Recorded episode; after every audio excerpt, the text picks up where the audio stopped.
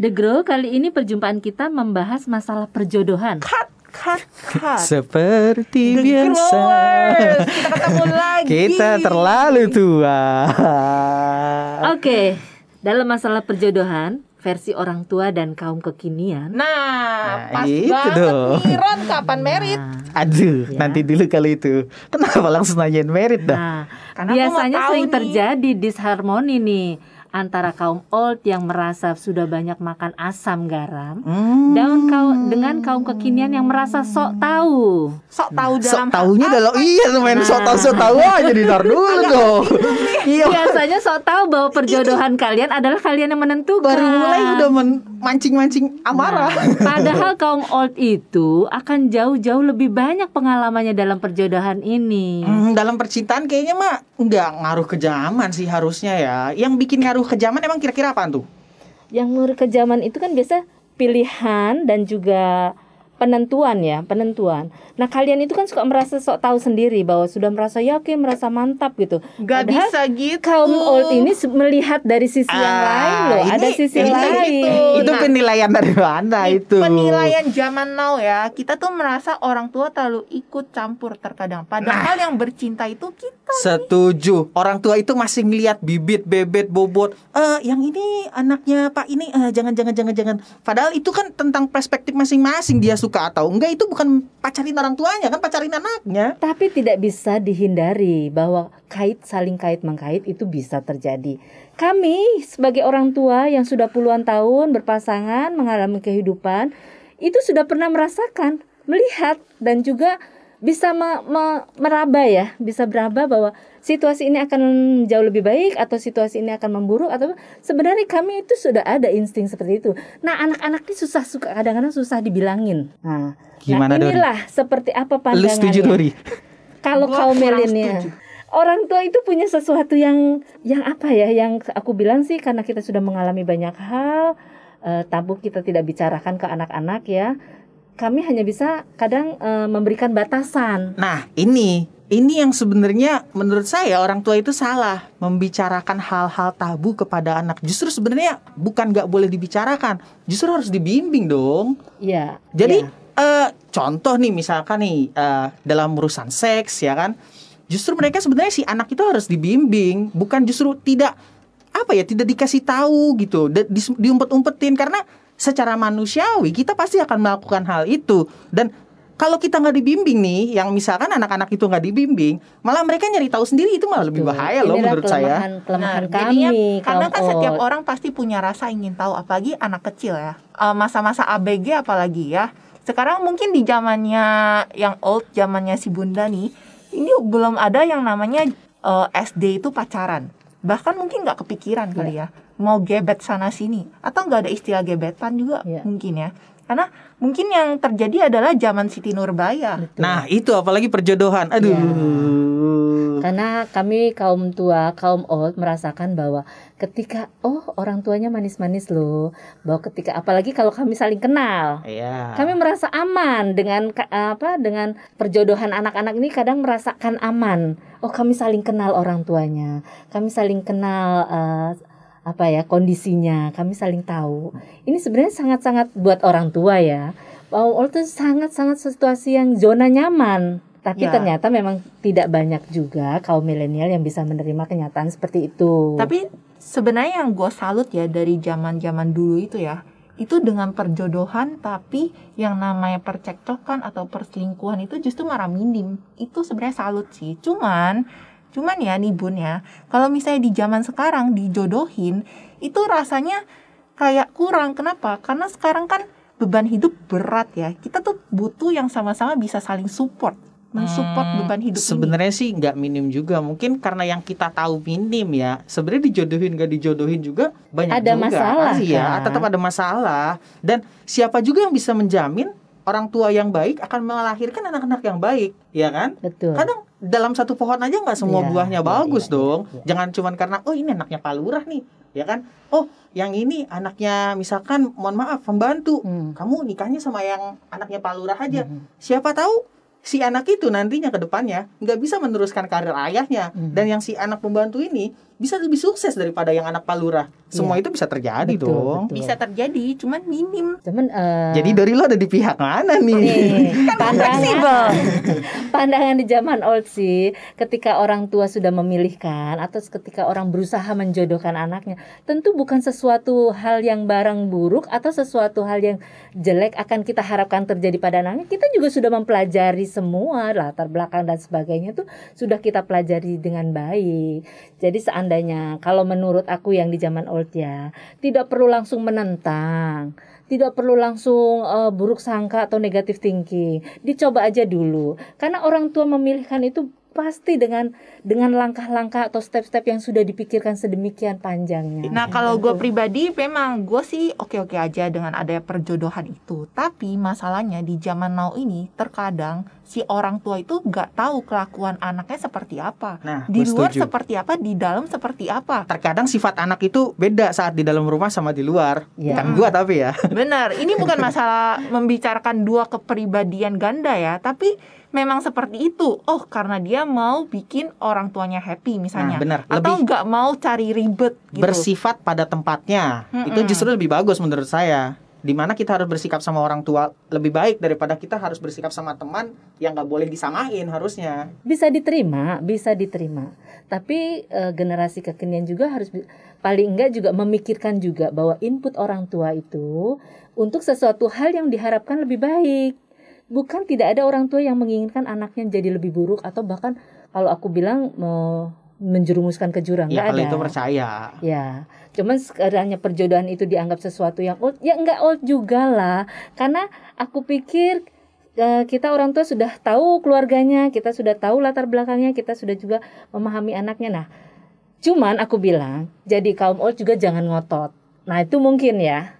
Boleh saran atau boleh eh, ini dicoba, tapi tidak ngotot. Kembali lagi memang di eh, pilihan pada kaum kekiniannya. Tapi intinya orang tua dalam perjodohan atau ingin menen seperti apa pasangan, tentu saja pasangan yang stabil secara ekonomi, secara emosional. Nah, ini harapan orang tua. Yang kadang-kadang anak juga tidak tidak berkisah sampai ke sana. Oke, Yang penting sebentar. senang Saya potong nih. cinta. Contoh nih, ada anak yang backstreet nih, ya kan? Atau ya taruhlah dia nggak backstreet, tapi tiba-tiba si orang tua punya keinginan untuk menjodohkan. Kayak Dori misalkan yang udah pacaran 8 tahun nih, ya kan? Hmm. Tahu-tahu dia dijodohkan. Hmm. Apa sih orang tua nggak memikirkan perasaan si anaknya gitu? Yang udah berjuang bersama pacarnya untuk kehidupan yang lebih baik, untuk berjuang bersama, tiba-tiba dijodohkan dengan orang lain yang bahkan si anak ini belum tentu Nah, kenal di loh. sinilah ya aku pikir udah eranya juga keterbukaan. Kenapa juga anak harus backstreet, ya kan? Dan untuk jadi orang tua juga harus bisa bisa terbuka menerima anaknya apa pun. Jadi ya salah satu sini komunikasi. Kenapa sampai backstreet 8 tahun? Itu pasti juga ada sesuatu yang mungkin orang tua tidak inginkan. Nah, kalau kondisi ini memang tidak ada, tidak backstreet atau memang kebetulan lagi tidak ada pasangan, kebetulan orang tua memberikan alternatif perjodohan. Sesuatu yang menarik sebenarnya sih menurut kaum old. Bagaimana untuk kaum transisi? Lu mau Dori dijodohin? Gue sih nggak masalah. Cuman yang tadi si Bunda ngomong ini juga gue setuju sih. Cuma permasalahannya itu adalah di komunikasi gitu. Gimana bisa terjadi ya backstreet itu ya karena komunikasi itu juga. Cuman ya sekali lagi kalau misalnya ya eh, kasus seperti tadi nih backstreet nih, ya mau gak mau coba diterima dulu gitu. Jangan langsung kayak dipaksain dengan jodohnya ini. Ya siapa tahu ternyata oh ini backstreet pasangan backstreet ini ternyata cocok gitu loh. Hmm, gue nih, gue sih jujur ya, gue pernah backstreet ya, yang istilah kata anak TikTok zaman sekarang tuh ngejemput cewek di depan gang lah, ya kan? Itu bukan karena tanpa alasan. Pertama, terkadang nih kaum kaum zaman old yang jadi orang tuanya nih, itu tuh terlalu apa ya, nggak terlalu terbuka gitu untuk menerima orang lain masuk, kayak di suzonin kita mau maling sendal lah ibarat kata gitu. Jadi kita sebagai laki nih ngerasa males atau bahkan sebenarnya kalau dari kasus gua, kalau dari kasus gua tuh si ceweknya yang merasa males. Karena kalau misalkan daripada ribet dengan nah orang daripada ayahnya nanya-nanya ini cowok kamu kerjanya apa? Atau ini cowok kamu orang tuanya siapa? gitu. Jadi lebih baik kita backstreet gitu. Nah, hal-hal kayak gitu yang menurut saya sebenarnya salah dilakukan oleh zaman old gitu. Mungkin karena itu ya histori perjalanan cinta mereka yang di zaman dulu lah. Tapi di zaman sekarang kayaknya udah nggak berlaku sih yang kayak gitu-gitu. Tapi menurut gue ya itu bukan masalah perbedaan zaman old dan now deh. Itu masalah pria dan wanita deh. Karena sekarang-sekarang ini ataupun dulu di mana-mana yang dicari sama pria yang mapan. Nah, itu Eh. dari pihak zaman old itu. Gue setuju sih. Gue Jadi juga nggak setuju yang eh, cinta apa adanya ya sebagai pria nih. Justru gue pengennya tuh bikin anak orang seneng dong. Nggak mau istilah kata anak orang diajak susah ya jangan dong. Masa udah digedein sama orang tuanya Ya. diajak susah. Tapi hal-hal penekanan-penekanan si orang tua yang kadang belum Betul. kenal kita siapa itu bikin kita males gak sih gitu dan malah bikin jodoh si anak itu jauh takutnya nantinya. aku bilang nggak perlu males, tapi malah harus tunjukkan.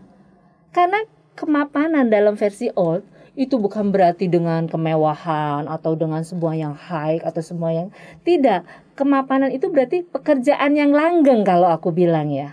Aku memandang seperti itu. Sudah bekerja, punya potensi untuk naik, ya kan? Tapi karena pada posisi masih seperti ini, tapi ada potensi untuk lebih baik atau Oke. potensi lebih tinggi. Saya potong nih. Itu sudah kategorikan Ini kan mapan loh. Dori Tunggu, sama Berarti ini di sini sebenarnya ada perbedaan istilah nih kemapanan. Nah itu dia justru yang gue mau tanya sebenarnya dari kan gue laki sendiri di sini ya Hmm. kan buat kalian yang cewek beda zaman ini nih ya kan beda zaman walaupun bajunya samaan kayak anak panti Hmm.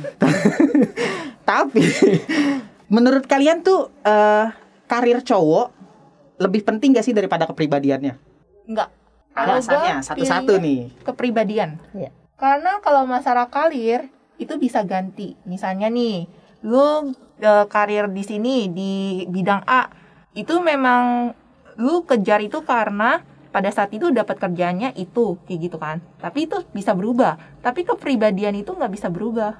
Ya, setuju. Kepribadian. Zaman old pun akan melihat kepribadian, tapi diimbangi dengan sesuatu pekerjaan yang sudah ada. Nah, dan orang tuh akan bisa menilai, oh pekerjaan akan jadi berkembang atau pekerjaannya akan ada potensi untuk maju. Seperti itu. Ini yang disharmoni antara anak kekinian dan old. Anak kekinian belum-belum sudah prasangka ya. Eh, bukan prasangka karena apa ya? Kalau sepengalaman saya, orang tua itu lebih melihat cowok yang mapan secara finansial, punya jabatan bagus, kerja di tempat yang lebih bagus, atau dalam tanda kutip PNS. Karena eh, menurut pandangan mereka sih, yang saya tahu nih, yang saya tahu itu kalau belum PNS tuh belum jadi orang, katanya seperti Ya, memang itu. Padahal peluang zaman sekarang kerja banyak yang Ya. lebih gede dari PNS loh Banyak. gajinya. Jadi emang komunikasi, sekali lagi komunikasi bahwa ketika eh, dari pihak kaum old memandang butuh pasangan anaknya yang sudah mapan, ya itu memang banyak kategorinya. Tapi sekarang pun sudah terbuka bahwa kaum old itu bahwa kemapanan itu sudah ada pekerjaan yang berpotensi untuk menjadi lebih baik atau membuat peluang yang lebih bagus lagi. Nah. Jadi kaum cowok nih terutama anak kekinian gak usah malu, omong aja dulu. Jangan berprasangka buruk dan juga jangan kayak apa ya, jangan jutek kalau ditanya pekerjaannya apa. Nah seperti itu. Ini kan belum belum sudah pasang tar ini nih tampang nggak enak kalau ditanyain pekerjaan. Padahal bukannya mau mau menghakimi ya kaum old menanyakan pekerjaan bahwa kita bisa lihat oh bekerja di sini dengan ijazah ini pasti punya prospek yang lebih baik. Jangan berprasangka dulu bahwa ditanyakan pekerjaan itu wah bakal diremehin nih. Tidak juga lah. Tapi terus habis itu, oke, pekerjaan kamu apa di? Gitu ya. Ditanyain, oh saya kerjanya arsitek nih, saya lulusan ini nih. Nah itu jawaban yang keluar, yang Hmm. diharapkan juga. Mm-mm. Tapi keluar jawaban yang tidak diharapkan. Oh, saya kerjanya sebagai operator nih di salah satu perusahaan. Itu gimana? Sedangkan si anak nih, si cewek punya karir yang bagus. Misalkan dia supervisor di salah satu perusahaan sebagai supervisor marketing atau apa pun gitu. Yang which is pengen punya cowok dengan apa namanya si orang tua pengen anaknya punya cowok yang lebih baik. Ya, Ya kan? misalnya Ya. supervisor sama-sama supervisor Ya. atau paling enggak atasnya manajer. Nah, itu gimana? Ya shock pasti. Ya. Tapi orang tua juga punya punya pandangan bahwa anaknya memilih juga bukan asal. Jadi nanti bisa dikomunikasikan lagi antara orang tua dan anaknya ini. Nggak perlu juga malu. Dari pihak cowok nggak usah malu dulu apa pun profesi kalian. Karena kita juga orang tua sadar loh bahwa anak-anak kita sudah kita bekali dengan pendidikan yang bagus, akhlak yang bagus, cara pandang, cara pikir yang bagus. Jadi ketika membawa pulang calonnya atau yang dia suka itu pasti sudah dengan pertimbangan sendiri. Makanya yang kaum pasangannya ini atau yang dipilih anak-anak kita ini jangan dulu keburu punya buruk sangka, negatif thinking ditanyakan pekerjaan. Hanya itu aja sih. Kalau aku bilang, masalahnya nanti di komunikasi. Hmm, ya itu sih. Jadi nggak perlu nunggu di gang, hanya takut ditanyain nanti pekerjaannya apa. itu cuma contoh sih Ya, sebenarnya ya. ini juga harus Enggak aku, aku pikir Padahal belum nggak nunggu di gang kok. Aku pikir ini bagus juga didengar kaum kekinian yang lain. Nggak perlu minder dulu, nggak perlu eh, takut dulu Salah ketika ngomong. ditanyain pekerjaan oleh. Padahal tunggu di gang tapi mobilnya BMW. Nah, bisa jadi. mungkin saja terjadi Oke. kan. Terus uh, menurut kalian nih para cewek karena Ah. gue di sini cowok sendiri ya balik lagi ya. Seberapa penting background keluarga menurut kalian? Penting. Penting. Dan pentingnya apa? Ya, karena apa pun bentuknya. Dari sisi old dulu Ya nih. ya, kalau aku dari old begini. Ketika memang dari keluarga yang manis, mengajarkan sesuatu yang baik-baik, dengan akhlak yang baik-baik, semua yang baik-baik, ya aku pikir bu apa ya pohon eh, buah tidak jatuh dari pohonnya. Oh, latar belakang keluarganya baik-baik baik ya. Bukan berarti juga menutup dari keluarga yang tidak baik ada anaknya baik. Itu kan ada. Tapi prosentase besarnya aku pikir atau logikanya pasti lebih banyak ya dididik dengan cara baik dari keluarga baik-baik dan biasanya baik-baik kayaknya biasanya juga baik-baik semua. Kalau Dori gimana Dori? Kalau gue setuju sih sama Bunda gitu kan. Kalau gue memang kepribadian eh, itu menurut gue ya terbentuk dari lingkungan keluarga. Ya mungkin eh, yang namanya buah jauh, eh, buah jatuh nggak jauh dari tempatnya. Itu memang benar gitu. Ya tapi nggak selamanya juga benar. Mungkin ayahnya itu mencuri gitu kan. Nggak mungkin anaknya juga pencuri gitu. Karena mungkin si ayah itu mencuri karena untuk menghidupi si keluarga gitu kan.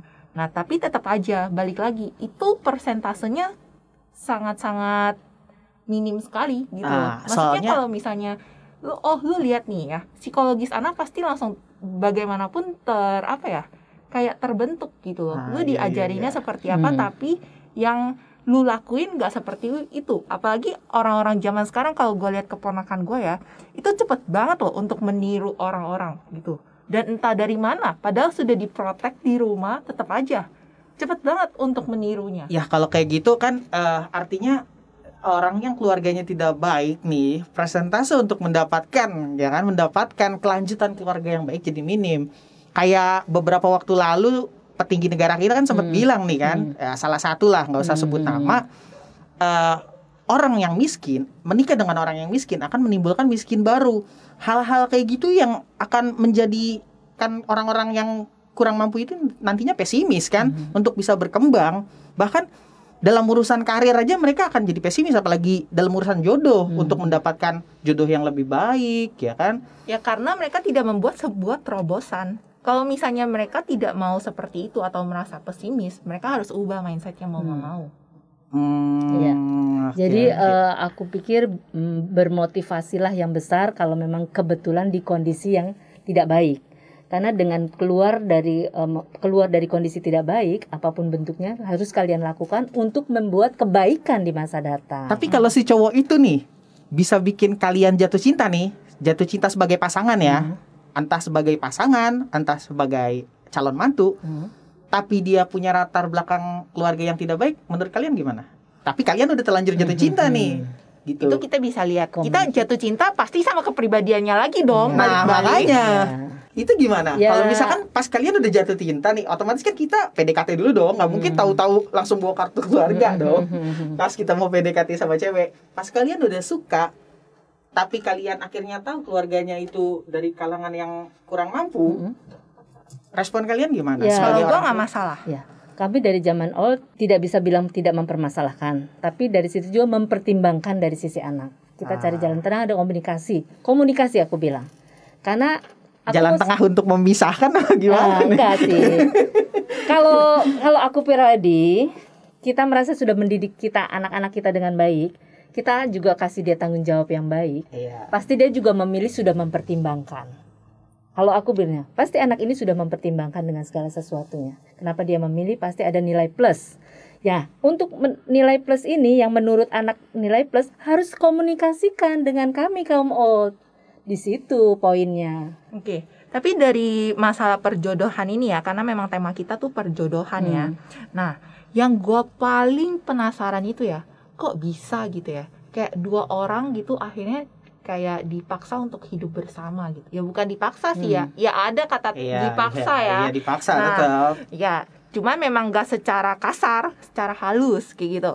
Cuman gimana sih? Kayak terkadang ya kita PDKT aja ya, entah itu cowok atau cewek pasti kita malu-malu. Iya benar. Nah, apalagi ini kita jodohin ya. Tahu-tahu udah- udah- nikah Iya. dan Beda, gimana pas malam pertama itu? situasi kondisinya di zaman old itu kan kita tidak banyak bergaul Iya. tidak seperti kalian ya pergaulan kalian banyak pertemanan kalian sudah bagaimana bagaimana. Nah kami ini kan zaman old tidak banyak bergaul. Jadi ketika sudah bertemu dengan orang yang orang tua kami pilihkan eh, pasti juga yang baik ya sudah kami hanya jalani. Mau nggak mau cinta itu akan tumbuh seiring berjalannya waktu bersama. Kita saling tolong dia dia tolong kita dia ngerti kita ngerti dia dia ngerti kita. Itu ka- karena kami om old ya tidak banyak bergaul seperti tidak seperti kekinian yang sekarang kalian punya mesos dengan pertemanan sekian ya kan di mana mana Iya. bisa berteman bahkan sampai ke luar negeri di zaman kami kan enggak terbatas Nah, karena tidak dia. ada medsos Saya mau tanya. Jadi gini, saya dulu pernah dengar cerita dari ibu saya nih. Kalau misalkan zaman dulu tuh cewek rata-rata ya jam 9 aja itu udah nggak boleh keluar rumah kan. Hmm. Nah, terutama sama Bunda nih saya mau nanya. Mm-mm. Gimana ngatasin hal itu di zaman sekarang yang cewek itu bisa jalan sama cowoknya sampai jam 11 malam Hmm. Atau bahkan bisa jalan-jalan keluar kota sama cowoknya atau bisa jalan keluar negeri sama cowoknya gitu. Ya, nah, menurut pandangan Bunda sebagai orang tua gimana dan menurut Dori sebagai wanita apakah hal itu udah biasa aja di zaman sekarang untuk pergi sama cowok sampai malam? Walaupun kita nggak ngomongin hal yang aneh-aneh ya. Kalau dari aku sendiri sebagai kaum old, sebagai orang tua, ya melihat aja sebenarnya perjalanan malam itu emang dibutuhkan urgensi atau tidak, atau memang mobilitas yang tinggi, atau memang hanya sekedar senang-senang, Happy-happy dong. happy happy. Kalau sekedar happy happy, aku termasuk orang yang tidak tidak bisa mengizinkan dan tidak bisa meng eh, apa ya mentolerir seperti itu. Tapi kalau memang urgensi pekerjaan, ya monggo karena ada yang mereka lakukan dan ada kebermanfaatan. Kalau fun mah aku jujur orang tua yang masih kolot yang melarang itu. Tapi di sini memang eh, terjadi adanya apa ya? Masih ke different people, different perspektif sih. Misalnya mungkin seperti Bunda ya. Hmm. Mungkin beda juga pandangan Bunda yang lainnya. Nah, di sini sebenarnya gue punya pengalaman pribadi nih. Hmm. Banyak Jadi, nih ya. Seru nih, seru nih. Jadi gue itu pernah pacaran. Pacarannya itu putus karena Oke. si si mamanya ini menganggap kalau gue itu cewek nggak bener. Cewek nggak benernya itu karena gue sering pulang malam. Waduh. Dan semua teman-teman gue itu tahu kalau gue itu pulang malam karena memang tuntutan kerjaan gue. Gue harus handle acara dan itu nginep di mall dan itu ya kadang harus berangkat jam satu pagi. Ya itu bukan karena ya kalau misalnya tadi Bunda bilang Hmm? kalau untuk bersenang-senang nggak bisa Mm-mm. gitu kan. Tapi mungkin beda juga nih pandangan si mantan ini, si orang tua mantan ini Hmm. gitu. Jadi yang di benaknya itu karena di mungkin di benak dulu orang orang yang dulu masih berpikir kalau oh cewek pulang malam itu cewek nggak bener. Nah, itu Gitu. dia yang saya maksud intinya. Jadi kayaknya emang orang-orang dulu itu masih berpikiran kolot seperti itu ya. Hmm. Karena aktivitas zaman sekarang itu ya emang sampai malam malah ada istilah kalau cewek itu nggak boleh masuk shift malam karena dia cewek. Hmm. Loh, saat ini mereka bukannya menuntut emansipasi Iya. wanita, tapi giliran di kerjanya disamakan dengan pria masih pada menolak orang Iya, tuanya benar. kayak gitu. Ini Baik. dari sisi orang tua Oke. walaupun anaknya setuju ya. Padahal sebenarnya beberapa perusahaan juga udah menerapkan itu. Walaupun lu shift malam tetap ada antar jemputnya. Nah, itu dia makanya. Makanya sekali lagi aku ingatkan bahwa The Grow ini juga akan memotivasi para old, kaum old untuk menggrow mindsetnya. Oke. Paling nggak dengan pembicaraan ini mereka juga akan terbuka bahwa pekerjaan sekarang mobilitas tinggi dan bisa pulang sampai malam bahkan pagi sekalipun dengan Kata lain tanda kutip bukan untuk aneh-aneh, memang pekerjaan yang menuntut. Oke. Jadi di sini bahwa intinya poinnya bahwa kaum old juga membuka wawasan, menggrowkan mindsetnya. Oke. Nah, Ini jadi kan pertanyaan. terakhir gue juga nih ya, sebelum kita mengakhiri semuanya, Hmm, lu sendiri mau gak dijodohin sebagai zaman now? Hmm, kalau gua sih terus terang enggak. Karena eh apa ya? tidak mau mencoba, langsung Hmm, tidak atau bagaimana? Enggak Misalnya sih. nih lu sampai umur 50 nih belum ketemu jodoh nih, amit-amit ya. Amit-amit. Nah, itu mau gak mau nih orang tua kamu juga juga khawatir nih. Jadi menjodohkan nih. Lu Iya. terima gak nih? Ah, kalau itu kan berdasarkan kondisi yang terburuk ya. Tapi kalau untuk kondisi yang tidak terburuk, gua menentang perjodohan dari sisi mana pun dengan alasan apa pun. Karena perjodohan itu dia baik berdasarkan pemikiran orang tuanya, ya kan? Sedangkan belum tentu baik berdasarkan pemikiran kita. Hmm. Walaupun orang tua tahu apa yang kita butuh, tapi kita lebih tahu apa yang kita inginkan gitu sih. Kalau dijodohin Sama dengan sekali tidak teman membuka kecil. peluang. No. Misalnya nih lu punya teman kecil nih ya, teman kecil yang lu sama-sama sholat bareng, Hmm. Iya. ya, udah just-just tahu gitu ya Iya. mainnya. Terus sama-sama masih jomblo nih Hmm. di umur yang sudah harusnya menikah Hmm, gitu iya. ya. Lu dijodohin, akhirnya lu terima apa enggak nih? Hmm. Udah tahu nih bibit bebet bobotnya. Karena biasanya ya kalau Musa ya. kepentok ya itu ya berarti kan kalau nggak kepet balik lagi kalau dalam insiden tertentu memang diharuskan untuk menikah ya menikah dijodohkan nggak apa-apa tapi kalau kita masih punya pilihan kita ambil pilihan kita lah Karena biasanya perjodohan itu diambil memang dengan situasi-situasi seperti itu. Dan orang tua kaum old juga memilihkan pasti bukan hal-hal yang jauh non jauh di sana. Pasti sudah ada yang berkaitan oh pernah kenal di masa kecil, oh pernah ada bau-bau kerabat atau pernah satu satu lingkungan seperti itu. Oke, berarti intinya perjodohan bisa saja diterima Enggak. jika kondisinya memungkinkan. ya kalau itu oke lah Um, mungkin nanti saatnya mungkin tapi ya sekarang maksimalin dulu lah nyarinya ya Jadi sebenarnya untuk zaman now sama zaman dulu ya zaman now masih kurang bisa menerima perjodohan kecuali gue tengah-tengah ini ya. Ya, Kaum transisi ya. Ya, Nah, siap. baik, hanya sampai di sini perjumpaan kami. Cut. terlalu Oke, tua Groovers, kita ketemu lagi di next episode dan sampai jumpa. oke Sayonara. sayonara